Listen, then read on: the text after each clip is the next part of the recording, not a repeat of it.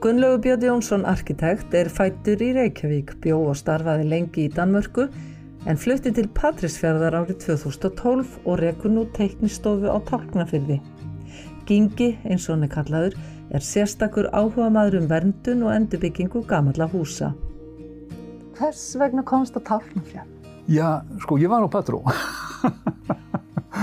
og svo hérna uh, bauðs mér þess aðstæði hérna og uh, ég ákvaði að fara við fjallið og, og hérna það er ekki langt á millið, þetta er eins og ég segi, það er stittra til Patrísfjörða heldur en er frá Reykjavík til Hafnarfjörðar og miklu stittir í tíma, engin rauði ljós og ekkert sem tegum mann og, og hérna og svo er ég mitt á milli hérna, bíldudalur hinnum meginn og, og svo er ég reynda með verk út um all land og og hérna, en uh, sko upphaglega þá kom ég hérna uh, fór til að vera til Patrísar í hálfklárað hús sem við vorum að gera upp, ég og sambíliskona mín þáverandi, núverandi og hérna uh, flúðin Eikvænina sem var í bænum á þenn tíma. Hvaða ár var það? Það var haustið 2009. Ég hafði komist ágætlu út úr sjálfu skona megin hruninu, var með verk þá sem að hérna uh, gáði af sér önnuverk, að ég var búinn að vera að vinna í þrjá mánuð að ég að fá flughermi í hús sem að ég hafði teiknað uh, í bæjarflutt í Reykjavík.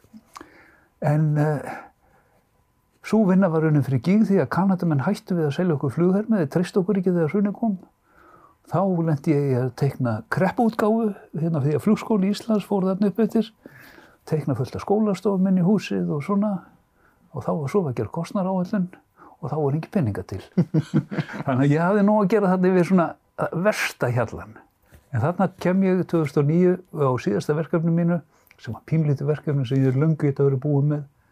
En ég hafði svona treyna mér þá þetta, ég sá ekki framöndan. En uh, sest þarna í hálfklarað hús, þarna á Patróf og, og smá saman sko, án þess að ég hef neitt látið vita að mér að þá fór að koma til mér svona verk og verk. Og þegar komum við fram á voru 2010 var ég komin alveg á kaf. En, voru fleiri, eða eru fleiri arkitektar hér á Suðufjörðan? Ekki á Suðufjörðinu, nei. Nei. En það eru arkitektar fyrir norðan, sko. En við erum, tengslinn hafa hingað til, ekki verið, náttúrulega verið að loka á mill allan veturinn. Þannig að það er lengra til Ísafjörðar heldur en til Reykjavíkur á veturnar. Og erfiðar er þetta að fara þánga líka. En, en það stendur nú til bóta. En þegar þú komst á Patró 2000 og, nei, hvað ár er það? 2009, höstin 2009, réttu í jóljú. Já, um, þú þekktir eitthvað aðeins til frá fyrir tíð var það ekki? Það rifjur sem kynni við gamla skipsfélaga. Tóks upp gammalt brós? Já, það er hérna, og uh, svo náttúrulega kynntist ég fólki þarna fljóðlega og, uh, og hérna virkilega, sko, patrísfyrðingar af mín, mín reynsla, eða patrísfyrðingar eða vestfyrðingar, uh, allavega hér á Suðufjörðun, að þeir eru mjög opnir fyrir fólki annars þar að, aðkomu fólki. Eins og sýnir sér þetta með sérna með að sko um 20% íbúa patrísfyrðar eru pólverjar í dag. Og ég segi ekki að það sé, ég segi ekki að það sé nokkuð vandamál með það, að þetta fellur mjög vel inn að við, það er eins og fólk sé, sé vant að taka við, að komi aðkomu fólk og annað og ég man þegar ég kom hérna, uh, hvað var ég 18 ára, þegar ég kom hérna 2000, nei, 1973, að ég var strax einn af hópnum, þú veist, ég kom hérna á sjó og, og einn af þeim. Og eins og ég segi, kynni við gamla skipsfélaga, uh, hitti Einar Jónsson, uh, gamla vimmin sem hafði verið með sjó. Við höfum ekki sérst í 30 ár og bara strax fann eins og bara verstuðinu hefði lokið í gerð. og hérna, því miður hann fallin frá en, en þannig að... En hvernig, hvernig var Patró öðruvísi núna heldur en þarna 73-4? Já, 73-4 var náttúrulega alveg gífurlegur uppgangur hérna. Það voru einir 7-8 stóri vertiðabátar og, og hérna, mér fannst Patrísur á þeim tíma bara að vera vinnubúðir. Mm. og það voru allir að vinna og eina fólki sem við sóstum á göttum voru stærri börn með minni börn. og það hefði allir eitthvað hlutverk og, og, hérna, og þarna var íbúafjöldin að nálgast 1100 manns. Og Þetta var svona, Patrísjörn var borin saman við svona staði eins og Stikkinsholm, Bólungavík og uh, manni ekki hvort það var Söðagrókur á þeim tíma.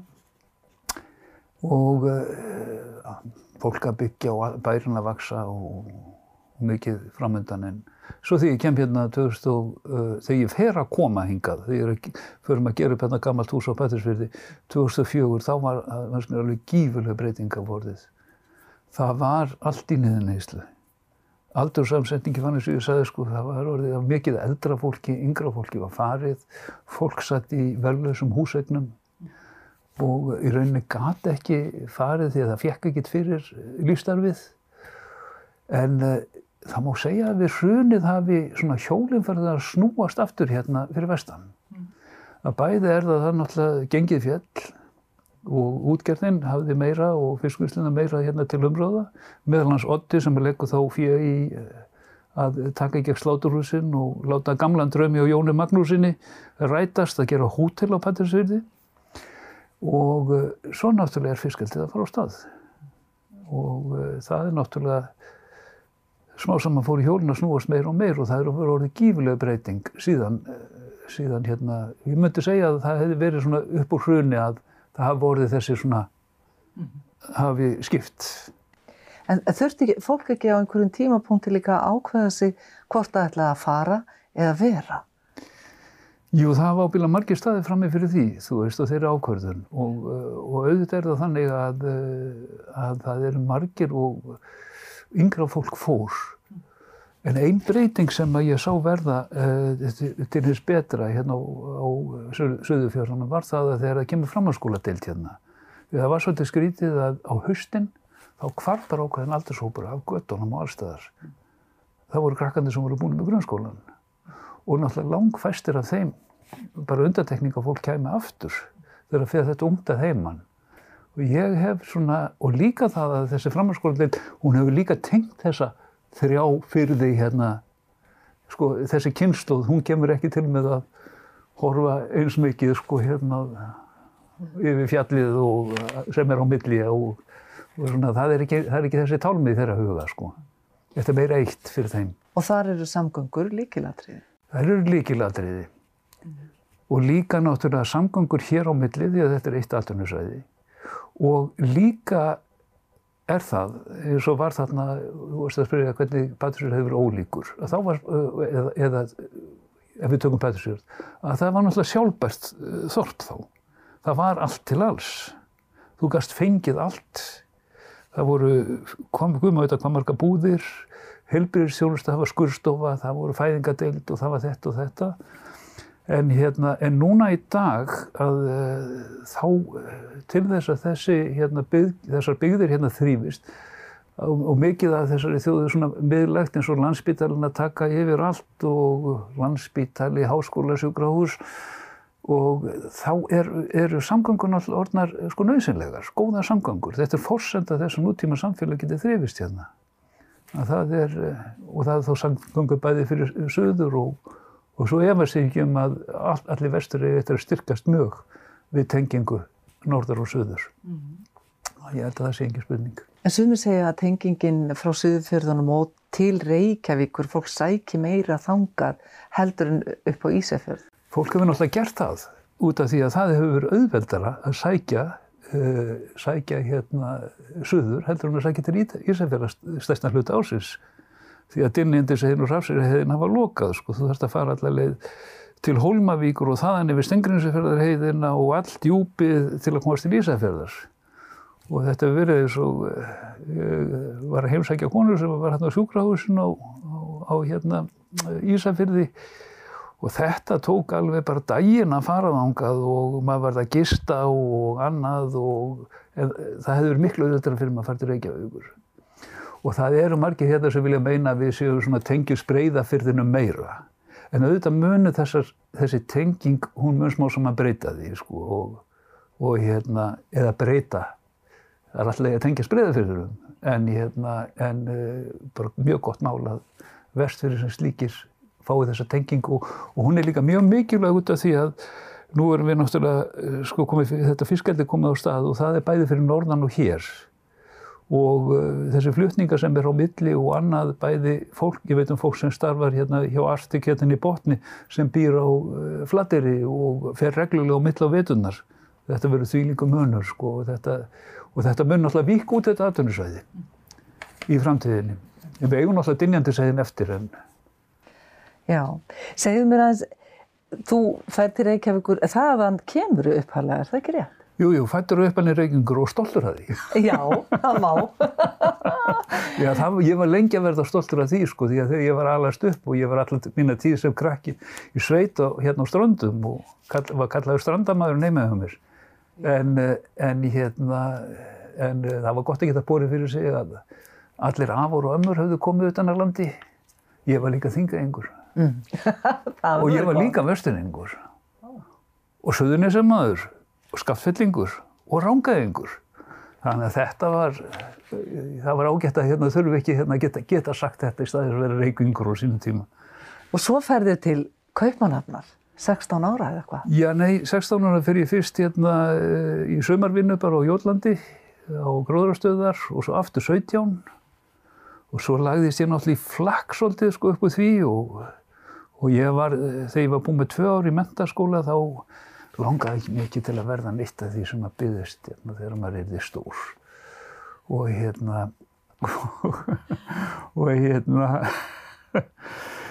að ég hérna hætti þá í, eftir að vera búin með tvö ári í mentaskóla og, og hérna fór á sjó hér og svo fór ég í ferðarlög bara þegar ég þjenaði mjög vel og fór bara í ferðast um heiminn og svo mætti ég aftur þegar það var komið næstavertið og og hérna, þetta var bara mjög gott líf sko en uh, svo var það einhvern tíma hérna síðustu veturvertinu með hérna ég kem inn af dekki og það var komin ísing, það var ís á bátinn og, og það var svo kallt og það var uh, brjálað veður og maður var með naglakul þegar maður kom inn í messa og þá slóða maður alltaf inn að byrja akkur ég sæti ekki inn í hlýri skólastofu? Og horfið bara á veðrið út um gluggan og væri að gera eitthvað og læra eitthvað sem ég hefði jáfnvel áhuga á og þegar að vertiðinu var lokið þá skráði ég mig í öldungadeildina og, og þá vissi ég, var ég einhvern veginn hvað ég ætlaði að vera því stór því að ég hafði áhuga öllu mm. og sá, sá eitthvað praktist í öllu. En svo kom þessi niður með því að ég var í byggingavinnu í Danmarku. Að hérna, þá flytti ég út í Danmarku 1976 endarlega til Kaupanablaðum. Og þá fekk ég þessa viturinn eftir að hafa verið búinn, eftir að við komum með stúdinspróf og hafði sótt um í skógar, skórækt sem var mjög erfitt að komast inn í og mannfræði sem var ennþá erfiður að komast inn í. En ég var í byngavinnu, var að reysa þarna, hafði tekið þátt í að rýfa niður fallega gamla byggingar sem héttu tólbóðun hérna í uh, Kaupnabréttu Kólusöllinu og svo var ég að, vann við að byggja aðalstöður Rappi Möller. Svo fekk ég smá pásangti hann hérna og settist á og fekk að setja á valtar og valta bílaplanið þetta fyrir framann og þessar byggingar alveg hörmulegar. Þá slóðum að hverju reynir ekki að hafa áhrif á þetta. Og ég hljóf nýr í skólanir og akademíu, var hún óg setna sækjum en fekk undan þáu og komst inn. Síðan hef ég ekki verið vafa. Síðan hefur dagurinn alltaf verið á stöttur og, og, hérna, og vinnuvíkan alltaf stutt. Þú lifir fyrir að vera arkitekt? Já, það er kannski það sem er að hérna, ég lifa á áhuga máli mínu. En það þýðir náttúrulega að ég er aldrei í fríi. og verður að treysta á þinn eigin dugnað? Já, já, algjörlega og, hérna, og þetta, hérna, ég, ég líti aldrei á klukkinu og segi, ah, kortur í kaffi. Veist að hérna, þetta er alltaf, klukkinu er svona margt. En arkitektur var nú ekkert alveg fjarlægur þér, er það? Nei, hann var það ekki. Ég hafði alltaf haft mjög gaman, var góðu teiknari og hafði alltaf haft mjög gaman að teikna. Ég held að það hafi verið meira sko hér að ég náttúrulega, pappi var landslagsarkitekt, fyrst, svo fyrsti hér á landi. Nefndan fyrir mig, hver var hann? Jón H. Björnsson, kentur við Alaska. Og ég er náttúrulega svona eldst upp við þetta og er eiginlega svona meira alveg upp á gróðurstöð, sko, gróðurstöð og í kringum gróður. En hérna, ég held að það hafi verið upplýskjað föðu minn og ég fór í húsarkitektur, eða byggingararkitektur.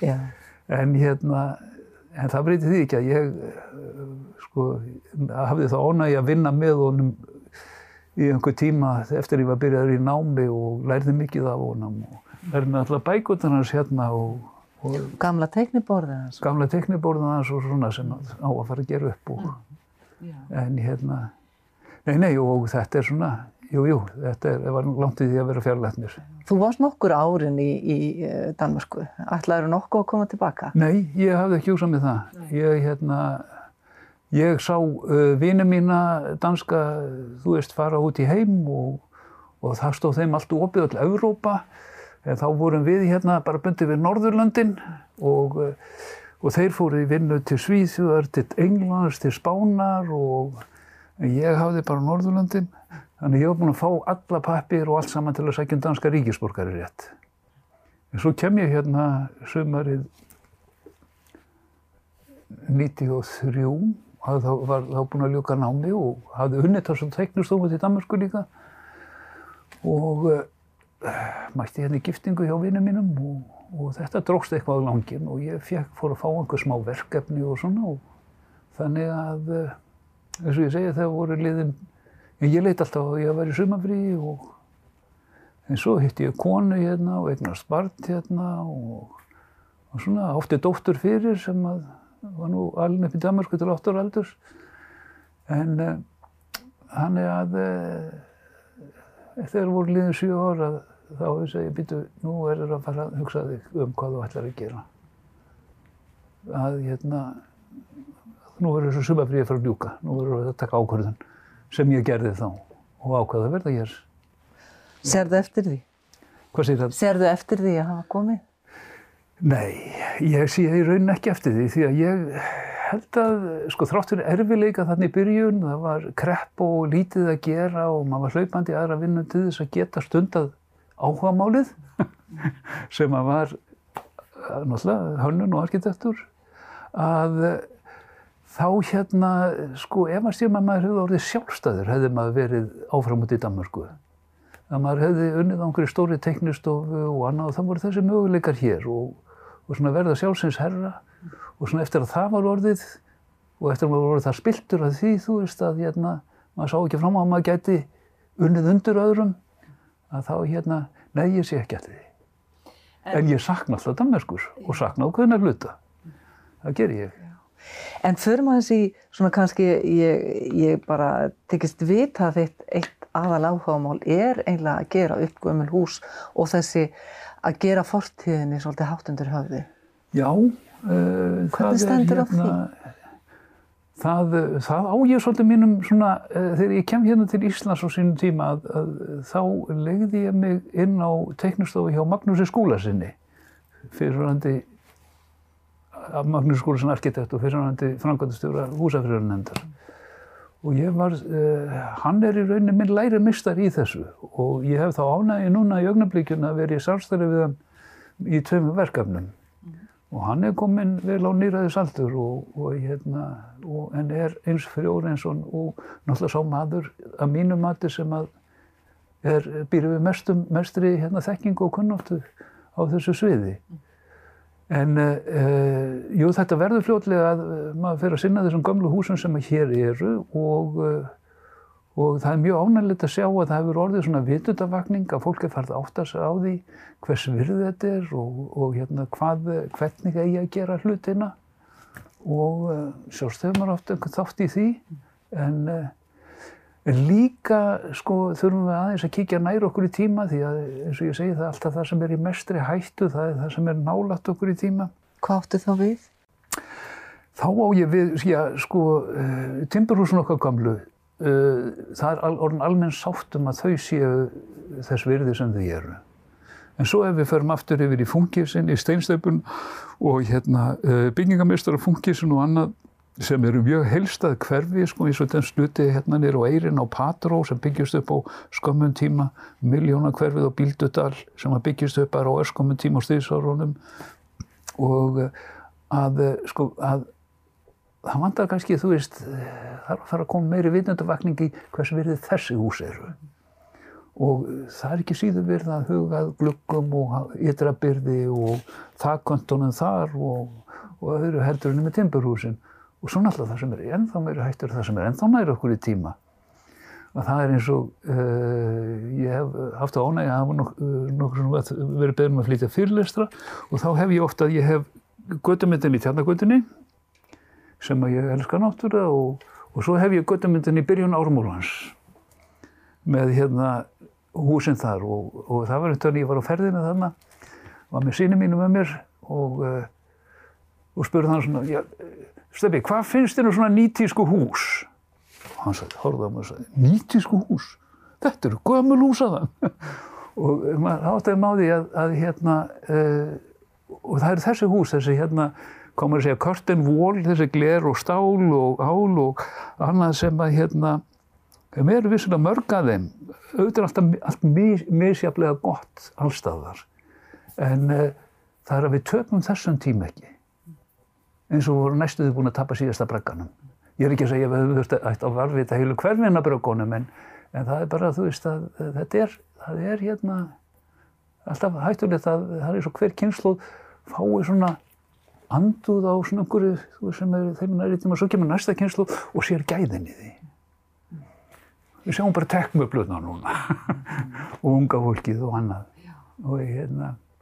En, en eins og ef við lítum aðeins á já, Patrísfjörð núna, það er verið að gera svo mörg húsin eins og segir upp og fólk er í búið að gjörbreyta hugsunahætti og þetta er ekkert sami Patrísfjörður eins og bara fyrir tíu ár. Nei, nei, það er það ekki. Hann er þetta hefur... gerast á fleiri stöðum í, hérna Já, í ég myndi segja já. það sko, já, reyndar sko hérna á Tálnafjörði erum við, höfum við nánast ekki, við höfum einstak á gömul hús sem er þá eins og gamli bærin á Sveinseyri og, og hérna bærin í Einstutungu og Dunhæg er enda svolítið sérstakt hús sem hér er, en annars er þetta allt saman frá setnir hluta síðustu, eða sérstaklega upp úr síðu miðri síðustu öll. Þið Tálknafjörðu byggist upp bara eiginlega á 15 árum? Já, maður segja það. Hann er yngstur þessara bæjarkerna? Yngsta þorpið. Þorpið. Það en... var engin höfn hérna. Nei. Og það var, var, myndaðist ekki þorpið, þetta voru bara sveitir. Og hér, uh, allt í enu þá, náttúrulega fer það að gerast að fólk fjörðurinn er að tæmast á fólki. Fólk flyttur til Bíldudals, fólk flyttur til Patrísar og fólk flyttur söður.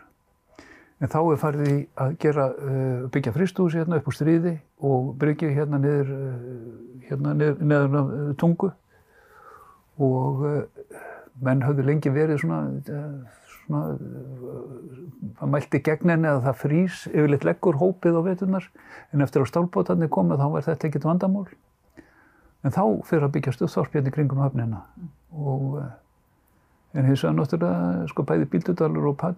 Reyndar er saga Bíldudals ekkert ósvipið ef við förum aftur uh, sko hérna á tíma Pétur Stórstjánssonar því að Bíldudalur byggist þá upp á alveg öskumum tíma. Þetta var algjört klondæk Bíldudalur á þeim tíma þegar Pétur Stórstjánsson er að byggja þar upp sko milli 1800 og ég myndi segja 1890 til svona, hann fer þarna 1903. Hann kemur hérna 80, 1880, en það er ótrúleg uppbygging sem verður á þenn tíma. Jó, og honum einum að þakka? Það má segja það, að það hefði verið sko nánast einsmannsverk, ef maður getur sagt sem svo, að uh, þegar Pétur Tórstjánsson kemur til Bíldudars, að merkilegt nokk þó að það hefði verið þarna eh, mjög eh, kunnir menn sem að, og Bíldudars saltfiskunum var náttúrulega þekktur út um allt, að þá byggðist ekki upp þjættbíliðar fyrir að Pétur kemur. Hann, þegar hann kemur þetta 1880 þá eru 20 mann sem búið á Bíldudalseyri með fjölskyldu hans.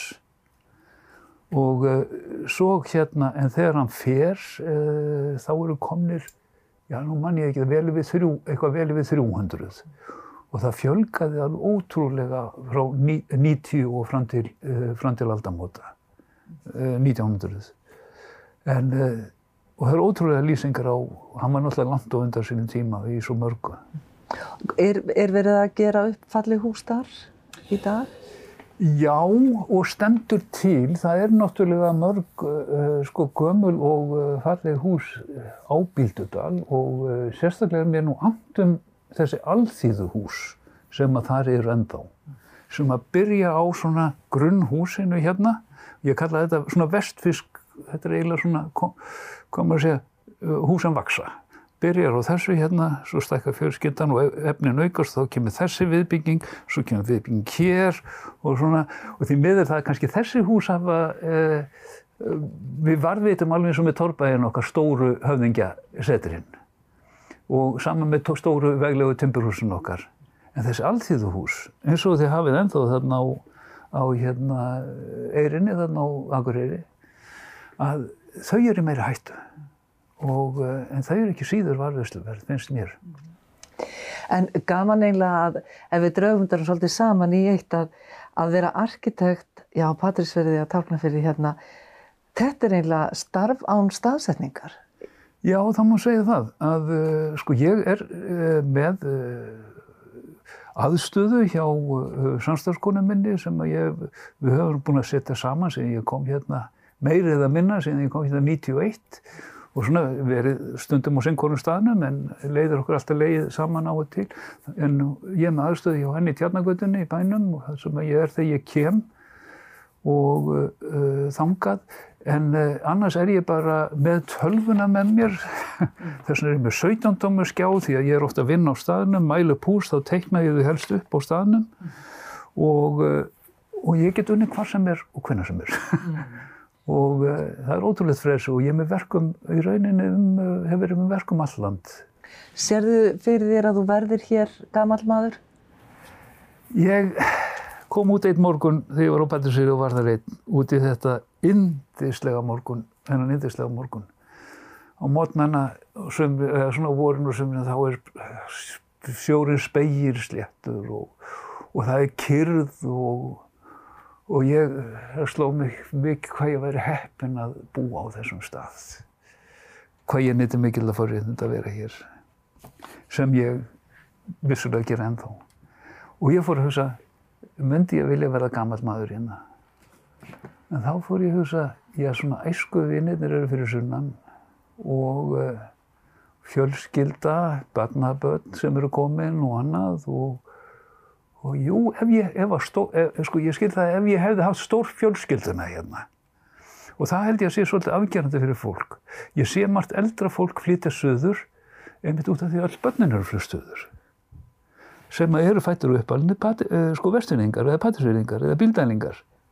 Og hérna þannig að ég er nú sást í þeim hópi að, en ég held að ég verði ekkert svona gamall og annað því að ég ætla að vinna þá til ég drefst og ég hérna, sko pappi vann þá var, sko hann dó 80 og var vera 84 og hann var, vikun áður hann dó, þá var ég að fara með skissu hérna, það var verið að, hann var að teikna garð og það var skjólgeringa sem er bóg og hann var, vildi vera vissum að hann væri réttur og ég fór með teikningu frá honum og skoði og kom til hans aftur og hann held áfram alveg fram á síðasta og ég sé það fyrir mér að ég gera það vonandi.